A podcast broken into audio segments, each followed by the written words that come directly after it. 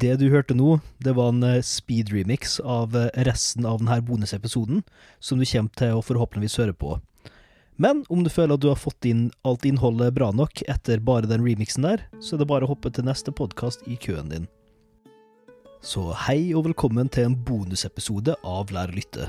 Jeg kommer til å eksperimentere med litt ulike typer innhold imellom de vanlige intervjuepisodene fremover, så følg gjerne med og gi feedback via Instagram-profilen vår, om du har noen tanker eller ønsker eller eh, andre forslag, da.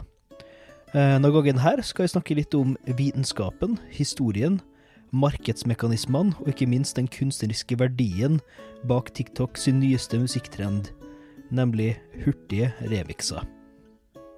Er du på TikTok? I så fall har du kanskje fått med deg trenden der man bruker raskere versjoner av popsanger, gjerne treige ballader, til å akkompagnere ulike videoer. Nylig har flere store plateselskap og artister begynt å legge ut offisielle sped up-versjoner på streamingtjenester. Spotify har til og med en egen sped up songs-spilliste med 1,2 millioner følgere på tidspunktet i spiller inn her. De fleste av så eh, speed up remix-sangene eh, kontrasterer til originalene med et drivende tempo, pipende lyse vokaler og et generelt mer energisk preg. Jeg tenkte bare å kort forklare vitenskapelig hvorfor lyden blir lysere når tempoet øker. Så det som definerer hvor lys eller mørk en tone er, er hvor mange svingninger lydbølgen har per sekund. Eh, Det som da skiller en musikalsk fra en ikke-musikalsk lyd, er hvorvidt de har regulære svingninger eller ikke. Så det som vi da oppfatter som støy eller uten tone, det består da av lydbølger som ikke har regulære svingninger. Mens det som vi kan oppfatte som en tone, det har da regulære svingninger. Så når farten på en lydfil, eller f.eks. et fysisk medium som en LP-plate, øker, vil da svingningene per sekund også øke. Og dermed blir klangen lysere. Det blir òg selvfølgelig motsatt andre veien om man sakker ned. Blant annet er det en ganske kjent eh, og litt treigere versjon av Dolly Partons Jolene, som på internettet ble kjent som Sad Gay Cowboy Version. Den var også kjent i sin samtid, da de fleste platespillerne har en variabel fartskontroll. Jeg nevner dette her for å poengtere at det på ingen måte er en ny teknikk å variere farten på sanger. I hiphop har det til og med vært populært på en mainstream skala å bruke samples fra f.eks. soul-sanger. Eh, Sjangeren blir ofte omtalt som chipmunk soul, og ble pionert av bl.a. Kanye West. Hør på Through the Wire for et eksempel.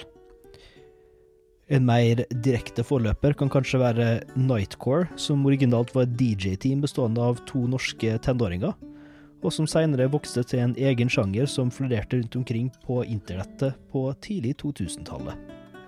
I dag på TikTok har emneknaggen hashtag for de uinnvidde eh, emneknaggen hashtag spedup 9,9 milliarder visninger. TikTok er jo ikke en musikklyttetjeneste, men en kortformat videotjeneste. Og dessverre så er ikke jeg på TikTok-toget sjøl, så jeg aner ikke helt hva det brukes til der. Men TikTok har jo i lengre tid hatt innflytelse på musikkindustrien, og sanger som trender der, blir ofte toppsangene på alle andre musikkplattformer også, og tar intet unntak.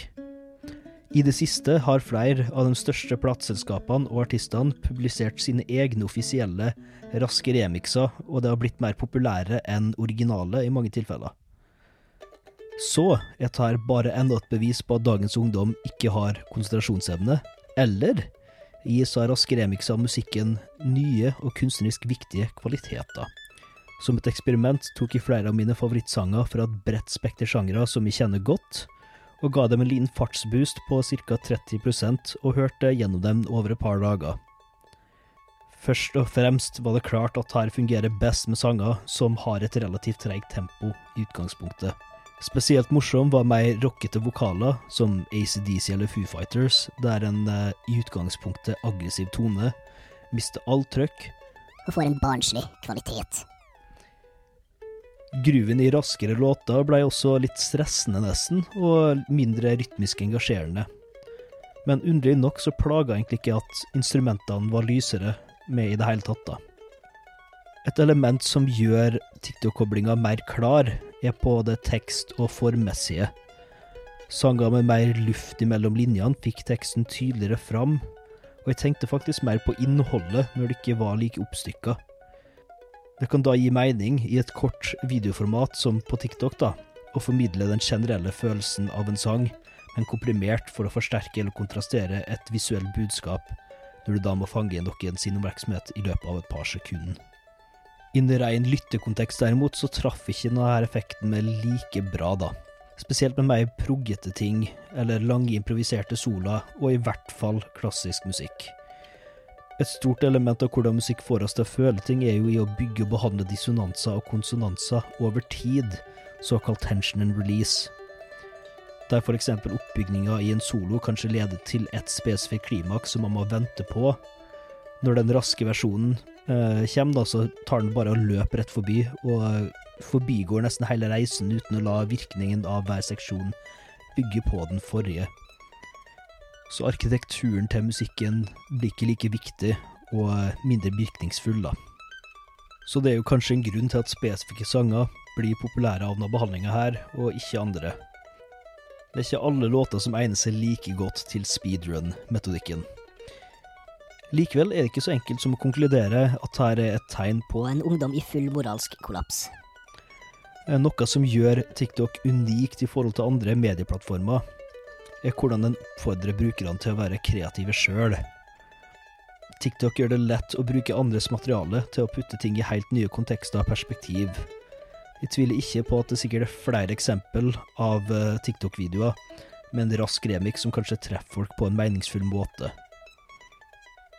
Men jeg har en mild skepsis til dette her som en rein musikklytteropplevelse.